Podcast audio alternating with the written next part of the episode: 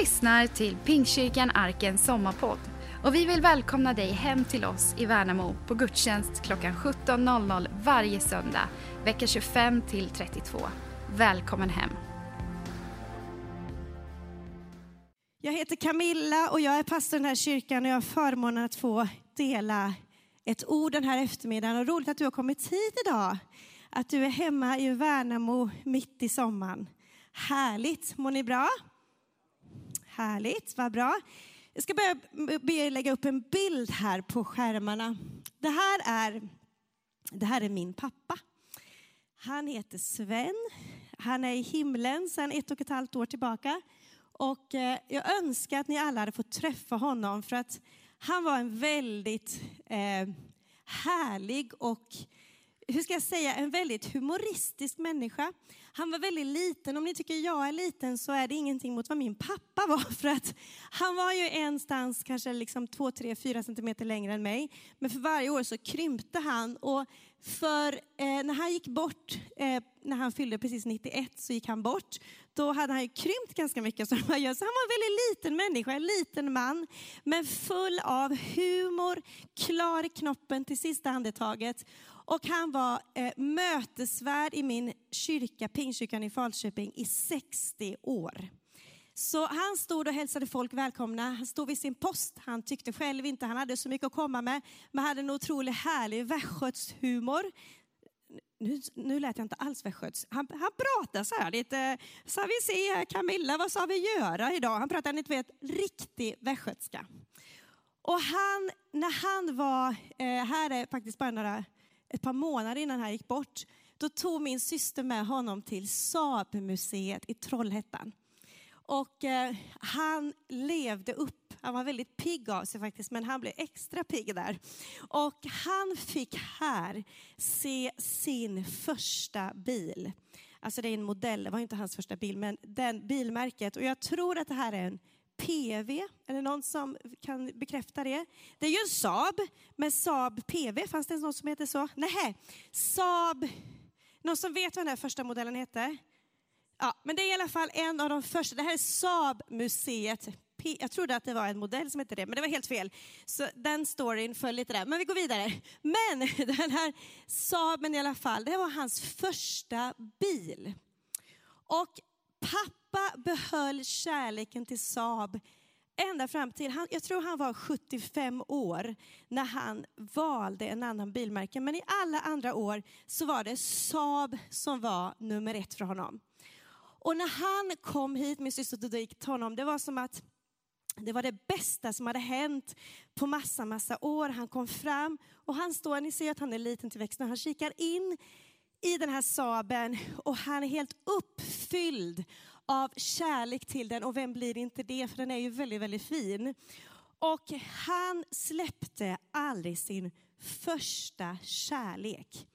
Och det är faktiskt det jag ska tala om här några minuter idag. Har du kvar den första kärleken?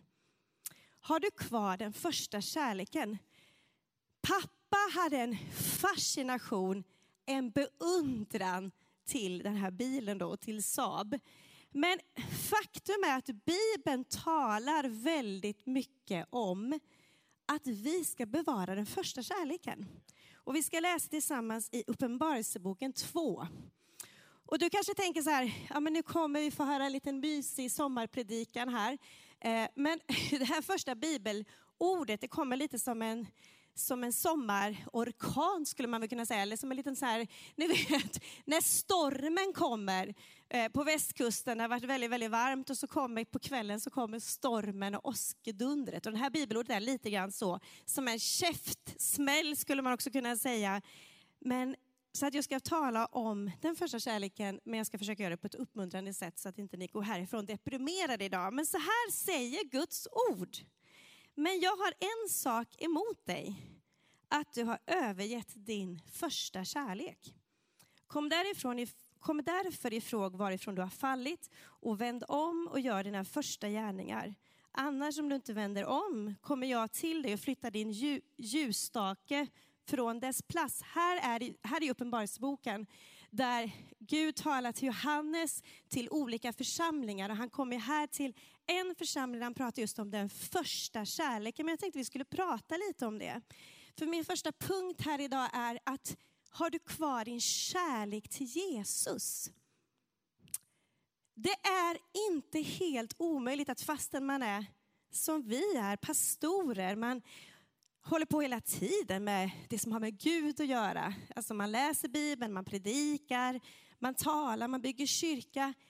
Ändå kan jag gång på gång på gång få påminna mig själv, verkligen, varför gör jag det jag gör?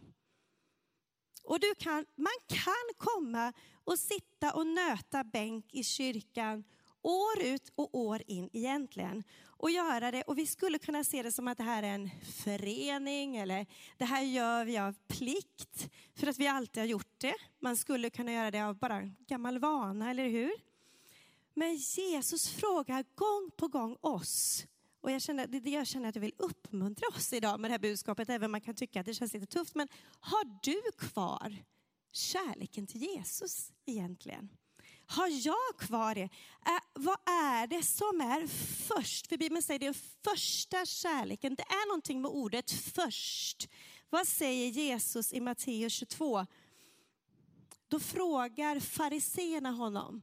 De försöker snärja Jesus gång på gång och kommer med alla möjliga kluriga religiösa frågor för att bara välta omkull Jesus. Och de pratar om allt möjligt, får man göra det på sabbaten och hur är det med de här reglerna, hur är det med de här buden? Men då säger, då säger de till Jesus så här, Mästare, vilket är det största budet i lagen? Han svarade, du ska älska Herren din Gud av hela ditt hjärta, av hela din själ och av hela ditt förstånd. Sen kommer ett som liknar det. Du ska älska din nästa som dig själv. På dessa två bud hänger hela lagen och profeterna. Alltså vilket är det största budet? I en översättning står det första budet. Jesus vill ha vår kärlek. Hallå? Han vill att vi ska älska honom. Precis som den här nyförälskelsen som man har i ett förhållande. Vi har varit gifta nu, Anders och jag, i 23 år. Nästa år. Vi har varit ihop i 24. Och har du varit tillsammans med någon länge så vet du att det kan vara så här att det kan vara så att när det har gått några år så tar man varandra lite för givet. Eller? Man kan tycka att det är självklart att man har varandra. Man, man blir väldigt familjär med varandra så att man tar varandra för självklart. Och så tror jag det är även med Jesus ibland. Vi tar honom för vi tar det självklart att vi kan komma hit på söndagarna och lovprisa Jesus. Det är totalt självklart. Man tar det för självklart ibland att vi bor i det land vi gör så att vi faktiskt får komma och fira gudstjänst på söndagarna. Vi tar det ganska för självklart att vi kan komma hit och det finns en byggnad här. Och vi tar ibland Jesus för självklart. Vi tar ibland frälsningen för självklar. Bibeln säger att utan Jesus vore vi ingenting. Om inte Jesus dog på korset så vore vi alla dömda till ett straff som är döden.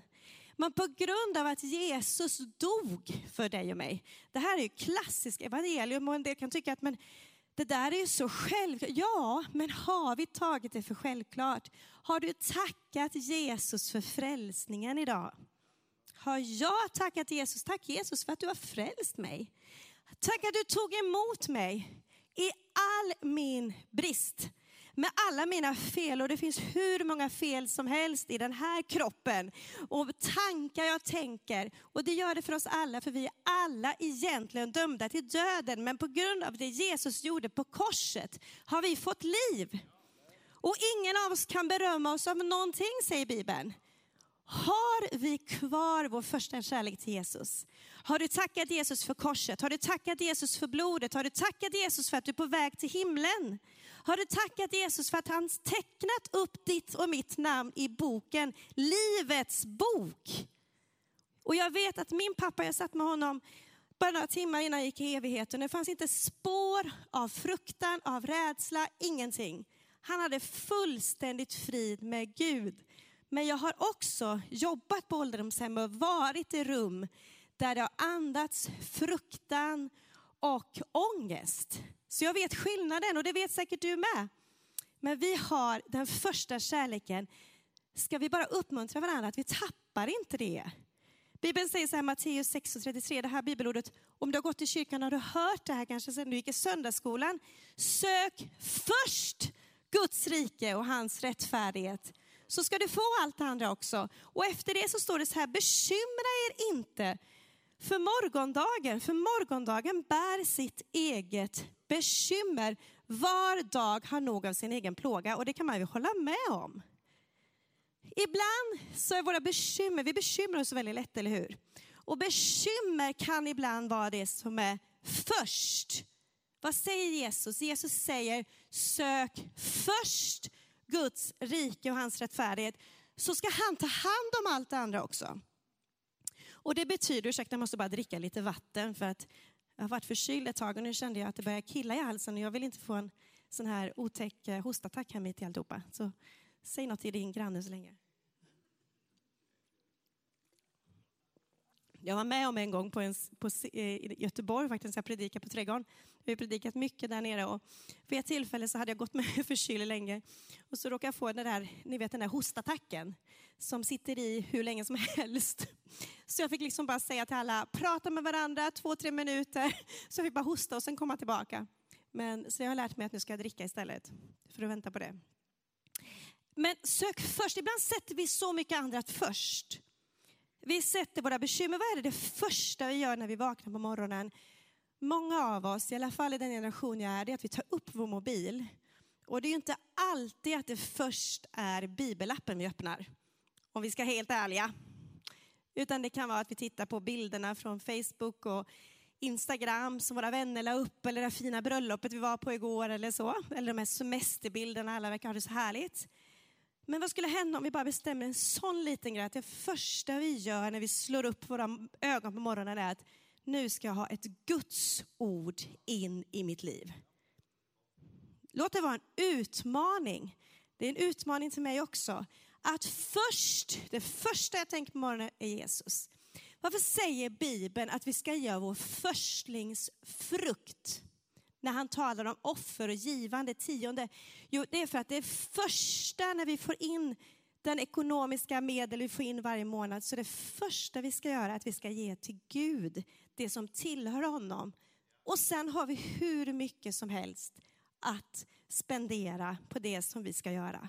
Men om vi lär oss att sätta Gud först i vår ekonomi, i vår tid, i vår passion, i våra prioriteringar. När vi frågar Gud, Gud vad, okej, okay, jag skulle vilja göra det här, jag skulle vilja åka på den här semestern, men vad vill du? Fråga honom först. Eller när man är på väg in i en relation kanske. Jag vet under, under ett par år jag bad Gud att jag skulle träffa en man.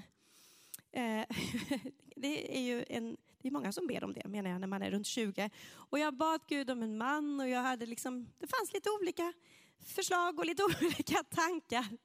Men jag sa till Gud, jag hade väl liksom, ni vet hur det kan vara ibland och man har prövat lite här och där. Och, men jag bestämde någonstans där när jag var 20 att nu ska jag först söka Jesus. Jag hade inte alltid gjort det innan kan jag säga. Men nu Gud så vill jag ha en man som du vill att jag ska ha. En man efter ditt hjärta. Och jag hade aldrig haft en tanke på att jag skulle gifta mig med en pastor. Fanns inte i min värld och under mina tonår var, jag, var det allt annat som fanns i min, i min tanke. Det var jättemycket killar och utseende och massa annat. Och det här med att ha en, en man efter Guds hjärta eller liksom att tjäna Jesus, liksom, det fanns inte alls på min agenda.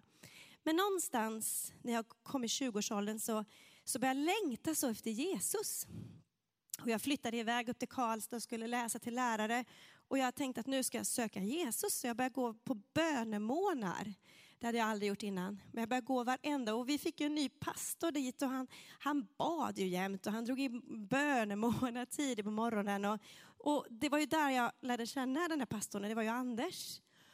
Och han var ju inte lik någon annan jag hade mött. Han, han var ju helt fanatiskt kär i Jesus. Och det var det enda han pratade om, han talade i tungor mer än han pratade svenska.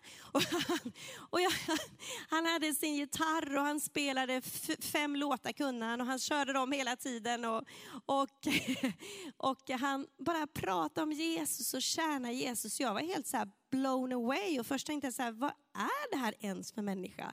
För jag hade aldrig mött någon sån som satte Jesus så först.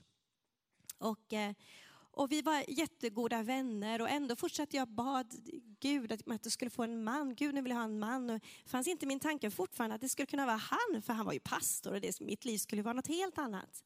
Men när jag satte Gud först så till slut så började ju mina prioriteringar ändras och jag, hela min världsbild och min tanke på vad livet går ut på ändrades. Och jag till slut insåg att han, här, den här karln, jag ber om, han står ju framför mina ögon. Och det var som att det landade i mig att Gud vill använda även mig. Och, och jag har aldrig sett mig som en pastorsfru, utan jag har alltid känt mig kallad, precis som Anders. Ni får gärna kalla mig pastorsfru här. Men jag har aldrig sett mig som en fru bara till en pastor, utan jag har känt mig att jag är kallad, jag med. Att jag är kallad att tjäna Jesus och Gud kallade mig väldigt starkt där. Och så blev vi ett. Men jag tror inte att jag hade sett det, eller Gud hade inte uppenbarat det för mig om jag inte satte Jesus först. Jesus, vi var först i ditt liv.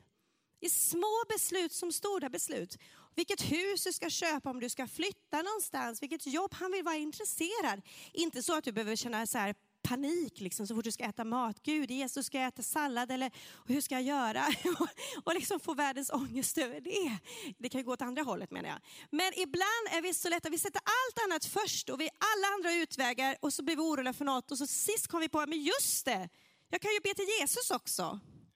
Tänk om vi skulle vända på allt och säga att först Gud så söker jag ditt rike, ditt rättfärdighet för allt det andra ska falla på plats. Punkt nummer två, kärleken till hans ord.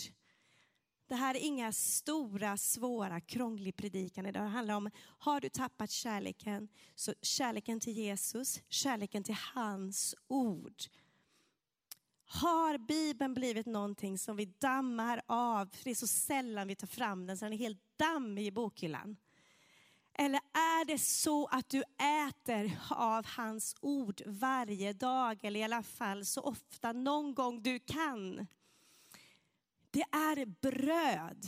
Jesus liknar ordet vid bröd. Och det finns ingen av oss som funderar på, behöver jag äta idag? Det finns ingen av oss som funderar på, vänta lite här, undrar om jag behöver äta något idag? Vi kanske hoppar över att äta idag. Det är ingen av oss som tänker så, utan vi vet och hela vår kropp signalerar, du behöver mat. Men faktiskt är det så att på samma sätt så borde anden i dig som flyttade in i dig när du sa ja till Jesus och som finns där. Men anden i dig och mig behöver mat. Vart finns den maten? Inte bara mat för själen och naturen. En del tycker att naturen är min kyrka och det är min gudstjänst, jag bara går i naturen. Och, och det är fantastiskt, det är själen som... Men Guds ord behöver få komma in i din och min ande. För där sker miraklet. När ordet inte bara är vilken bok som helst eller vilken mening som helst.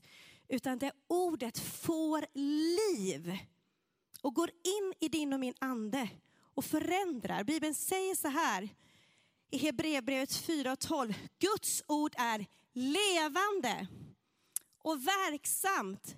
Det är skarpare än något tvegat svärd och det genomtränger tills det skiljer själ och ande, led och märg och det dömer över hjärtats uppsåt och tankar. Vi kan så lätt drifta iväg bara häromdagen så driftade jag iväg i tråkiga tankar. Och det behöver inte vara liksom att man tänker jättehemska tankar, men tråkiga tankar. Tänker du tråkiga tankar någon gång? Och ibland tänker man hemska tankar också, riktigt hemska tankar. Och man kan bli modfälld och man känner att det är kört för mig. Gud, det är kört för mig. Blir ni också så här dramatiska ibland? Det är bara jag som blir det. Bara, Gud, det är kört! Hur ska det gå? Och jag kan, jag kan så lätt ibland hamna i de här dipparna. Och man kan bli så här, Jesus, och så är det så enkelt ibland för mig att man bara öppnar ordet Och direkt kommer ett levande ord, det hoppar ut ur bibeltexten och det får liv in i mig och det är som att allt bara förändras över en natt. Men ordet, kärleken till Bibeln, vi behöver bli läsare igen. Det sa man ju alltid om de kristna förr i tiden, de var läsare. Är vi läsare nu? Jag predikar lika mycket till mig själv, men är vi läsare idag? Eller har vi blivit så bra på att alla quotes och alla ledarskapstips och alla så här life coaching eh, tips, att vi läser och vi scrollar lite på Instagram och ser lite visdomsord och så tänker vi nu har vi fått vår kick för den här dagen. Nej, det finns ingenting som kan ge oss den maten som Guds ord. Det finns inget som kan ersätta Guds ord. Ingenting kan ersätta det levande skarpa ordet. För det står också att det tränger igenom själen. Själen kan säga till oss, Camilla, att ha det lite lugnt idag. Du behöver inte Bibeln, du behöver en promenad vid havet. Ta lite lugnt, ta en kopp kaffe till. kan ju själen säga. Det kan ju vara så att själen behöver vila, själen behöver en lite miljöombyte. Det är inte det jag menar. Men själen och kroppen, det är någonting. Men när Guds ord kommer så går den rätt in. Och det är så att den blottlägger, vänta lite här nu. Och den blottlägger synd, den faktiskt talar om för oss, får man säga idag att det finns synd i våra liv? Eller är vi så politiskt korrekta idag så vi pratar knappt om det? Men det finns ju något som är rätt och fel, det finns något som är synd. Och när Guds ord kommer in så blottlägger det allt. Det är som en stor operation. Det är som att det går in en kniv i hjärtat och så opereras de lite och så ser vi, oj, vad är det här? Ja, så här ser det ut Gud. Det är inte bättre än så här idag. Det är inte bättre med pastor Camilla än faktiskt så här att det finns lite orenhet, det finns lite själviskhet, lite egoism, lite lathet, lite slöhet, lite förakt kanske. Alltså alla är vi i beroende av Guds ord i våra liv. Låt oss aldrig ta examen för det. Låt oss aldrig känna så här, det där, jag har ju läst Bibeln nu så många gånger om och om igen så att nu är jag klar med det. Det är ju ingen av oss som kan känna det, utan Bibeln, ordet behöver vara liv i oss. Ordspråksboken 16 och 20 säger så här, den som ger akt på ordet finner det goda. Lycklig är den som litar på Herren. Det finns något gott. Bibeln säger smaka och se att Herren är god. Det är ju så att om man är ifrån Guds ord för länge så vet man inte vad man är hungrig över längre för man har blivit mätt på annat. Men när ordet öppnas så får du smak för ordet igen. Så ju mer du läser din bibel desto mer längtar du efter bibeln igen. Och och då blir man mätt, fast man blir inte mätt, man blir hungrig, man går tillbaka för man känner det här smakade gott. Det här gjorde väl, jag blir, sover bättre på nätterna, jag är lite gladare, jag känner mig lite tryggare, jag känner mig, jag mår bra. Det är det Guds ord gör i ditt och mitt liv. Och vi har under många år i Göteborg har vi byggt en kyrka som består av väldigt mycket unga människor. Och då kan en del säga, och en del har sagt ibland, ja men ungdomar kan vi inte bygga en kyrka? Eller hur kan man, hur kan man få in någon ekonomi hos, hos mängder med 20-åringar? Vi har haft jättemycket folk mellan 20 och 30, men när Gud, det vi har jobbat med är att lära unga människor att läsa Bibeln. Och vi kan behöva lära varandra. Hur läser du Bibeln? Har du frågat din vän hur gör du när du ska komma in i en bra bibelläsnings... Ja, hur, hur, hur läser du? Och det finns många redskap idag för att läsa Bibeln på ett bra sätt. Och jag kan säga bättre att man läser det ofta och lite än att man läser jättemycket men bara någon gång då och då. Skulle jag kunna ge som ett kort råd. Det är bättre att du läser dagens bibelord i Uversion, eh, i bibelappen. Uversion. Det är bättre att man läser den, det bibelordet varje dag under ett helt år. Tänk vad mycket bibel du får i, i dig då. Än att du läser ett kapitel och så dröjer det tre veckor innan du öppnar bibeln igen. En del perioder har man jättemycket tid att läsa bibeln, vissa perioder har man lite tid att läsa bibeln. Men det finns alltid tid för att äta Guds ord. För vi har alltid tid att äta vanlig mat. Det är inget vi funderar på, vi har alltid tid. Och jag vill, jag vill uppmuntra alla, hela kyrkan, alla åldrar. Låt Guds ord få bli en förälskelse för dig igen, om det inte har blivit. Och tro mig att predika till mig själv också. För vi behöver Guds ord. Och jag har märkt att ju mer jag har av Guds ord i mig, så enkelt är det för mig. Att jag bara känner, nu ska jag uppmuntra henne där. Jag ska skicka ett sms och så skickar jag iväg ett bibelord. Och så får man tillbaka, det där kommer exakt rätt tid. Så när Gud talar in i dig så vill han ofta använda dig för att det ska vara till andra. Den sista punkten jag ska säga här, är det här hjälpsamt för någon? Ja, bra. Det tredje jag vill säga idag här, det är just att behålla sin kärlek till kyrkan. Behålla sin kärlek till kyrkan. Att det kan också bli väldigt, väldigt enkelt att man efter ett tag tar även det för självklart. Kyrkan är en plats som är operfekt. Det är en plats som är ibland lite stökig och bråkig och lite konstig. Och jag menar, det är en plats där nytt liv ska komma till, till liv. Och, och eh, ja, när ett nytt liv ska födas. Och eh, jag har själv fött barn två gånger. Jag fick tre stycken för att jag fick ju tvillingar sista gången. Och eh, det finns många här inne som har fött barn och man vet att på, i ett förlossningssal är det allt annat än perfekt. Det är allt annat än trevligt och städat och snyggt. Utan det kan bli lite hur som helst när nytt liv ska födas, eller hur? Eh, det är förändringar, det är stora, det kan, vara, det kan vara lite skrik och det kan vara lite ångestrop och det kan vara böner, men det är extremt mycket glädje när nytt liv kommer till ro eller till plats, till liv skulle jag säga. Ibland tror vi att en kyrka, om den ska vara perfekt, så ska det vara bara lugnt och ro hela tiden. Och det ska vara som en stilla liten susning av en sommarvind och alla ler och är glada. Men kyrkan i all sin imperfekta situation är ändå Guds svar för att frälsa en mänsklighet. Visst är det fantastiskt? Om vi ser på varandra här, ser på oss själva så vet vi att vi inte är perfekta. Men vi är Guds kropp. Vi tillsammans utgör en kropp som är Jesu händer och fötter här i Värnamo här i Småland, här i Sverige. Vad väljer Jesus? Jesus använder, väljer att använda mig och dig. Visst är det fantastiskt? Så om du säger att men jag behöver inte kyrkan, kyrkan, jag tycker inte om kyrkan längre, jag tycker det är mest ja, jag tycker inte om musiken eller jag tycker inte om nej, men den människan, hon, hon står där och nej, jag tycker inte om henne. Ni vet, vi kan tänka så, eller jag tycker inte om det där, eller ja, vad det nu kan vara. Det är så att Jesus älskar kyrkan. För kyrkan, när han ser kyrkan så ser han, det här är min brud. Det här är det som ska förbereda för att Jesus ska komma tillbaka.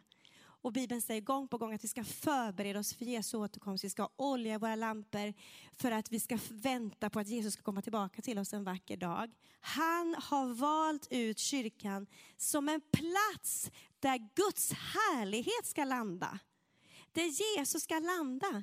Han har valt att använda oss med våra olikheter, med våra svagheter, styrkor, olikheter för att han vill att vi, just vi, ska vara ett för att reflektera Jesus. Tillsammans reflekterar vi Jesus. Visst är det fantastiskt?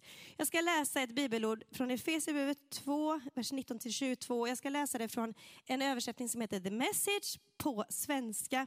Och eh, jag vet inte om du har hört den här översättningen innan, men jag älskar den.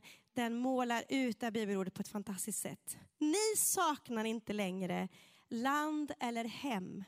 Nu är trons rike ert hemland. Ni är inte främlingar eller utlänningar. Ni hör hemma här.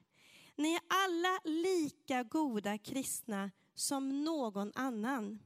Gud bygger sig ett hem alla är vi delar av det bygget oavsett hur vi hamnade här. Apostlarna och profeterna använde han till grunden. Nu är det er tur. Sten för sten fogar han in er med Kristus Jesus som hörnstenen som håller allt samman.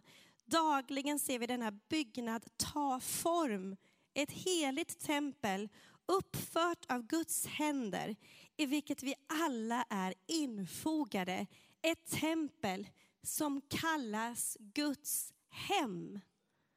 Jag älskar det.